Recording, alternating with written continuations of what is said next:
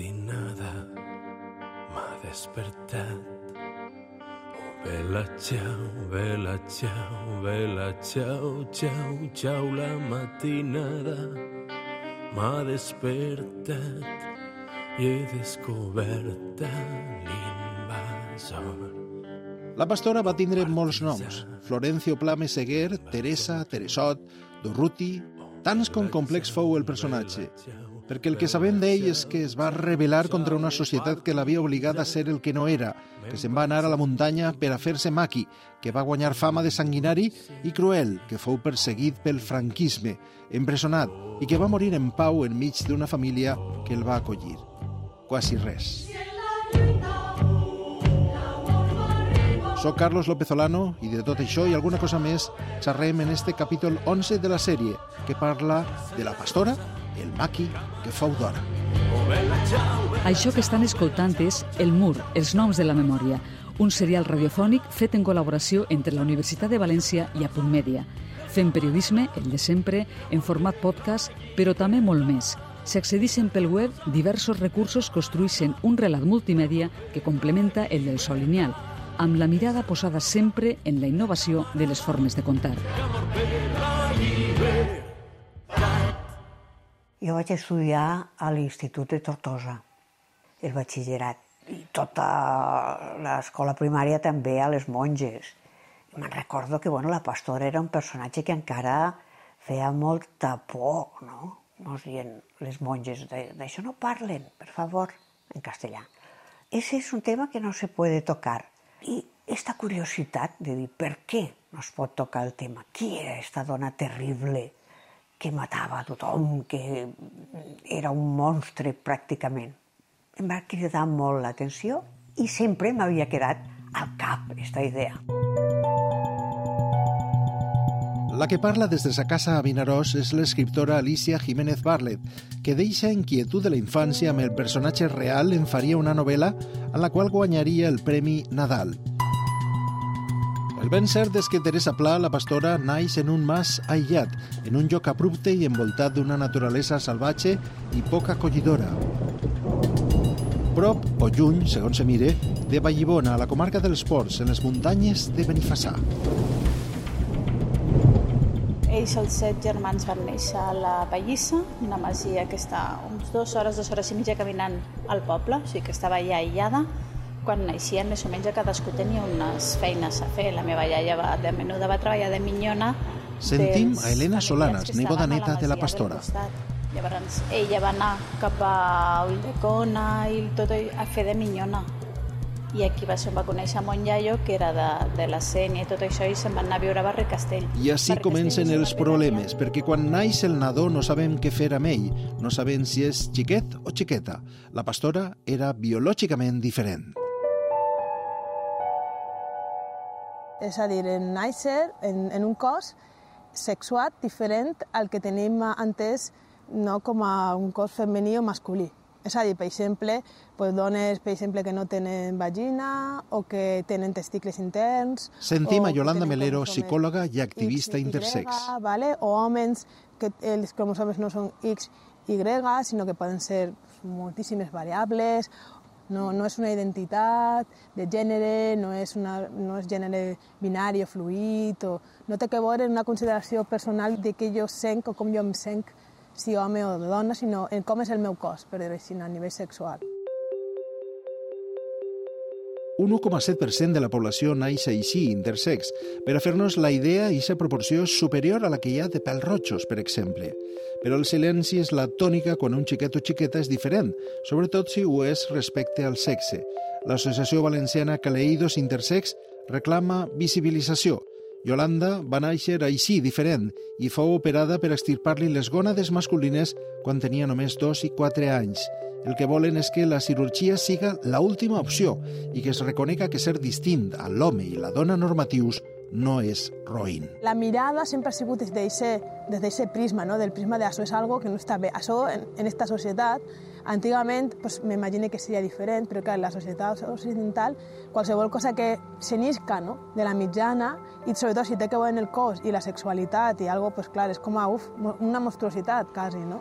I clar, nosaltres pues, hem viscut, ens hem criat, tenim la sensació de monstruositat, de, de, de sentir-nos que no tenim un cos adequat, no? I és així, inclús avui en dia, encara està, no? està vigent, no? de, quan es parla d'intersexualitats, es parla com d'anomalies, de trastorns, no? de, de coses que no estan bé quan es parla, perquè generalment seguim en este model, no? el cos d'un home, el cos d'una dona, i només existís això. No? Yo no soy esa que tú te imaginas, una señorita tranquila y sencilla que un día abandonas y siempre perdona esa niña sí, no, esa no soy yo.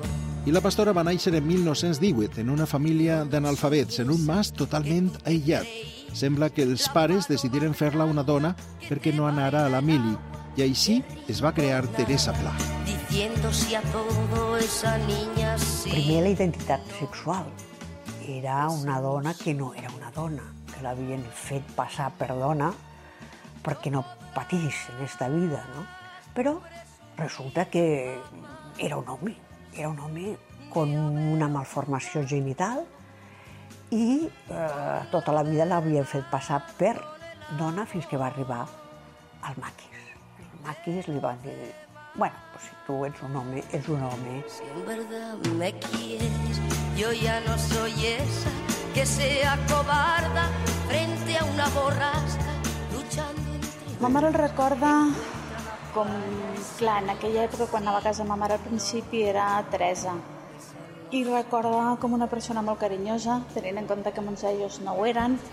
I, clar, ma mare li dubtava perquè ella era super carinyosa, se'l sentava a la falda, però per altra banda li feia temor, perquè era gran, una veu greu, llavors com que les dues coses, per una banda era molt dolça, però per l'altra banda era així com una veu forta, però el recordo amb molt de carinyo. Perquè Teresa o Teresot no encaixava, era gran i forta, tenia barba i una veu greu, i així i tot va viure 30 anys que es diu Pronte vestint falda. puntual cumplidora del tercer mandamiento,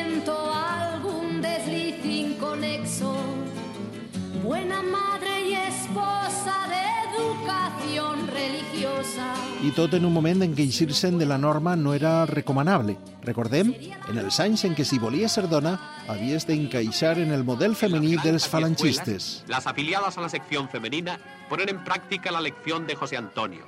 El verdadero feminismo no consiste en querer para las mujeres las funciones que hoy se estiman superiores, sino en rodearlas de mayor dignidad humana y social.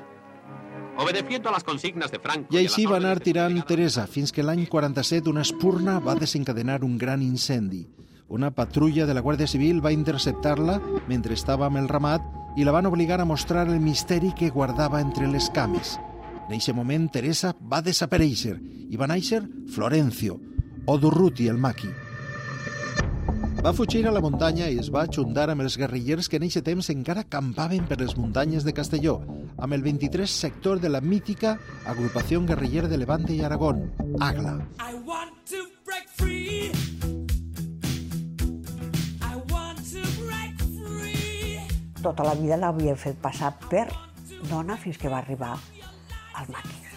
El maquis li van dir, bueno, pues si tu ets un home, ets un home i continuaràs sent-lo si és la teva voluntat.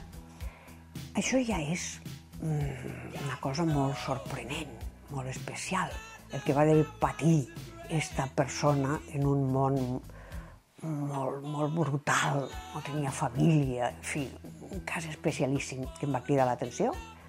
I després que va entrar al Maquis, que és un, cosa de la nostra edat, és un mite, no? És francament especial. Un grup guerriller a les muntanyes que ho van passar fatal, que sabien al final que no tindrien cap èxit, però que tiraven endavant.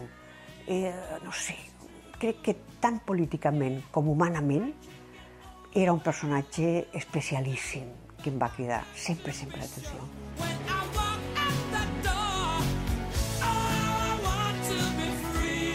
I amb els maquis, el nou Florencio, pot ser per primera volta, fou feliç. La vida de guerriller era dura, però la muntanya havia sigut sa casa de sempre.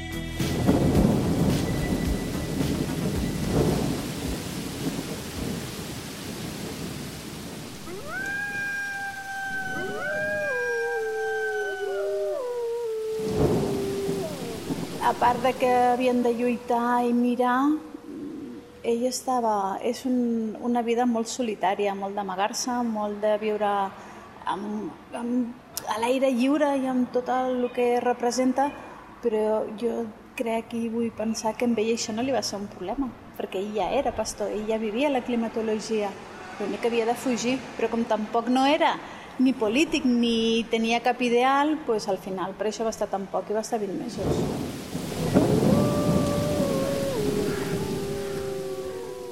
Allí va, el van ensenyar a llegir una mica i a escriure.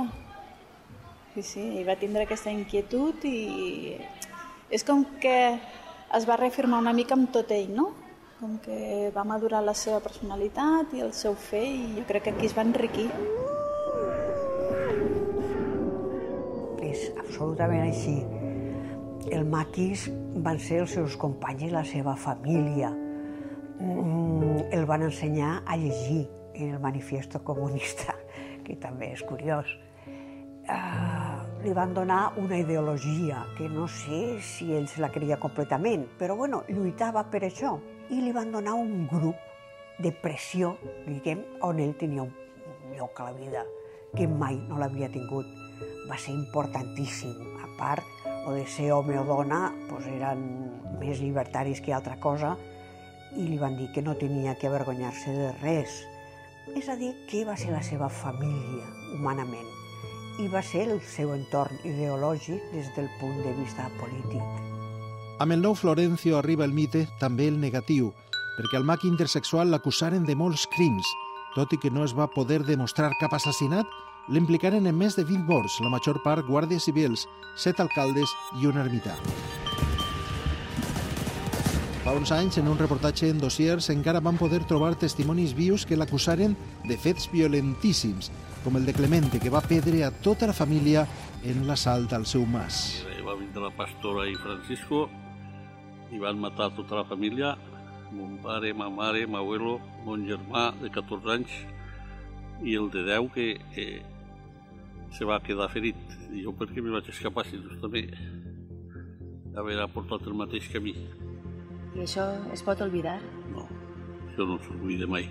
Potser una cosa és conseqüència de l'altra, no? Quan un no ha tingut família, quan sempre se li han burlat de que si era una dona masculina, quan ha patit tant, quan ningú li ha fet costat mai, més que maldat, el que acabes tenint és una insensibilitat total de cara al patiment dels altres. I és cert que la pastora va intervenir en molts actes delictius i de violència. És cert que l'havien acusada de 21 assassinats, però tampoc li van poder trobar una culpabilitat clara. Jo no jutjaria el personatge. És evident que el patiment de la seva vida, la incultura, eh, la manera especial de ser d'este home-dona, la van portar a fer coses que potser en condicions normals no hagués fet mai. Maldat, no sé, incultura, molta. Jo no jutjo, però que va ser un personatge violent per les circumstàncies o pel que sigui, això és absolutament cert. Florencio, la pastora o Turruti va estar només 20 mesos amb els maquis, després amb el seu company Francisco i quan el mata la Guàrdia Civil a soles, i va fugir cap al nord i va treballar en el que sabia fer, pastor i contrabandista de tabac i niló a Andorra. I allí el van detindre després de ser el criminal més buscat durant molt de temps. para decidir si sigo poniendo esta sangre en tierra. Este corazón que bate su parche, sol y tinieblas. Para continuar caminando al sur por estos desiertos. Para recalcar que estoy vivo en medio de tantos muertos. Així naix la llegenda, perquè Florencio és avui protagonista de novel·les com la de Jiménez Barlet, però també d'obres de teatre com esta de la companyia La Ravalera de Castelló. Conta la gent criada als ports que en qualsevol moment pot venir la pastora. Diuen que no parla, que és una dona malèfica i que té la força d'un home. yo para quedarme así, pues prefería morir de un tiro. Por eso me metí les garrelles. Em busquen. Quan m'agafen seré el monstre. El règim m'utilitzarà per fer por als xiquets. Com si fes falta afegir-li por a l'època. M'utilitzarà per explicar que si t'atreveixes a ser diferent, seràs un monstre.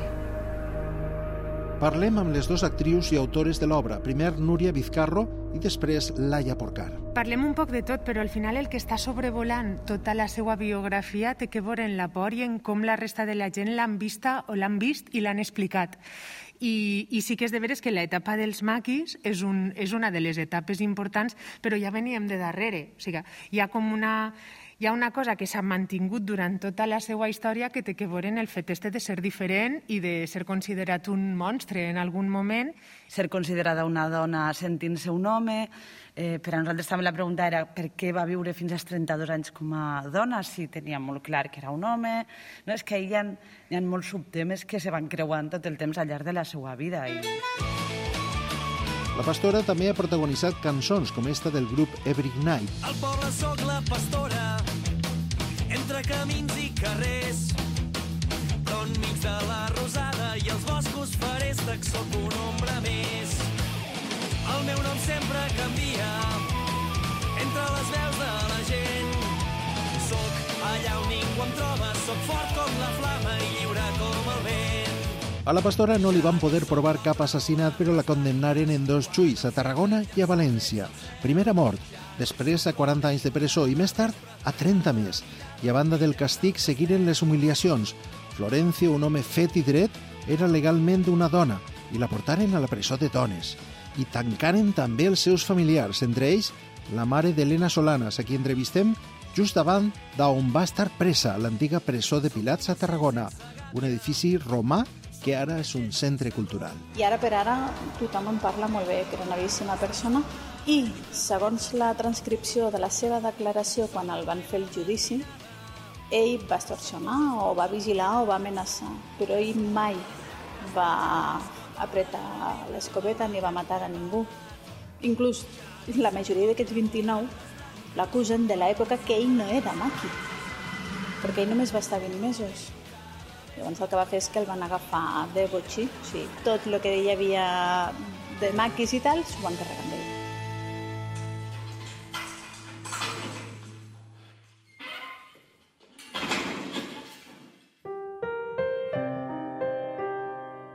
Florencio va aconseguir passar finalment a la presó d'hòmens i va penar 17 anys, però no acaba així la història, perquè allí va conèixer un home bo que en eixir de la presó després de complir la llarga condemna, el va acollir a sa casa.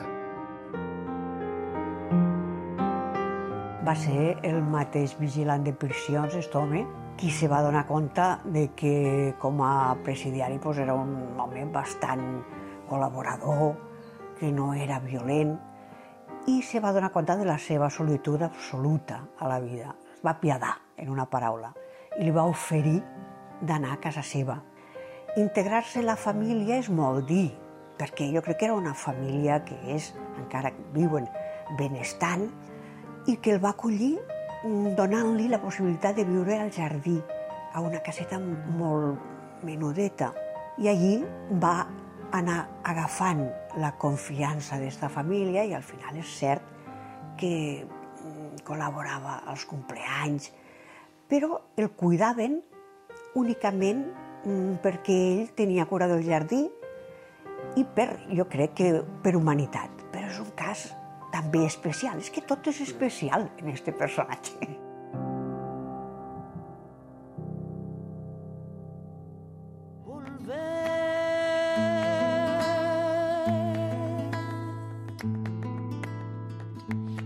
la frente marchita, la nieve del tiempo platearon mi sien. Sentir que un soplo la vida. I en pau i oblidat de quasi tots, Florencio va viure fins a fer-se molt major.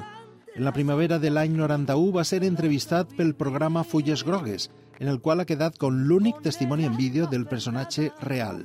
Lamentablement, la resta de l'entrevista no es va conservar, però almenys podem escoltar la seva veu. Les dejaron deshechos. Y otros mancos. Yo para quedarme así, pues prefería morir de un tiro. Por eso me metí en las guerrillas. Tengo miedo del encuentro con el pasado que vuelve a enfrentarse con mi vida.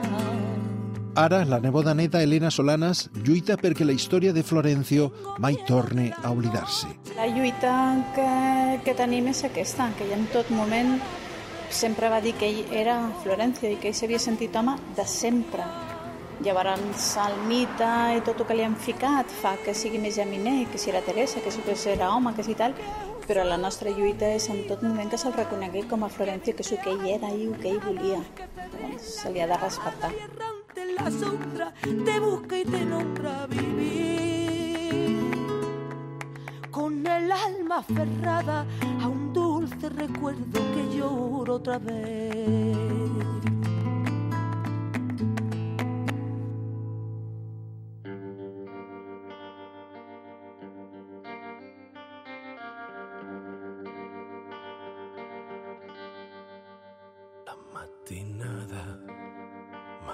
Despertat.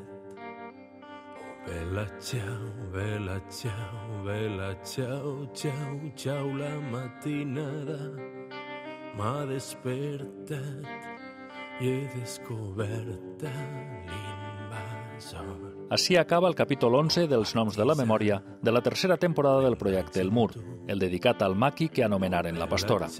Vela, ciao, vela, ciao, ciao, ciao, partisa. És un podcast multimèdia dirigit i presentat per Carlos López Olano, amb accés per les zones de ràdio i també amb una versió enriquida amb diversos recursos per web i xarxes.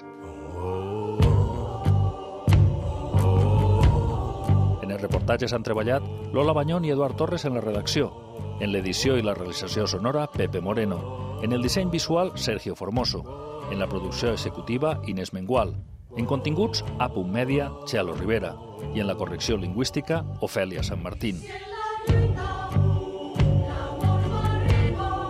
En breu, el capítol 12, que es titula Matías Sangüesa, un alcalde model per a la República. Este programa s'ha fet gràcies a una col·laboració entre la Universitat de València i A Punt Mèdia.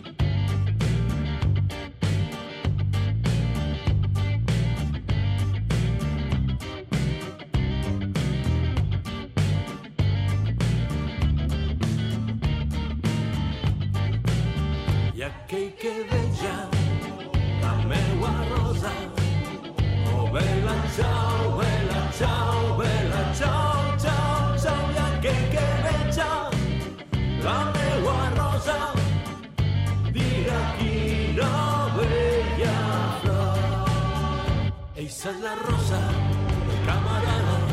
Oh, vela, ciao, vela, ciao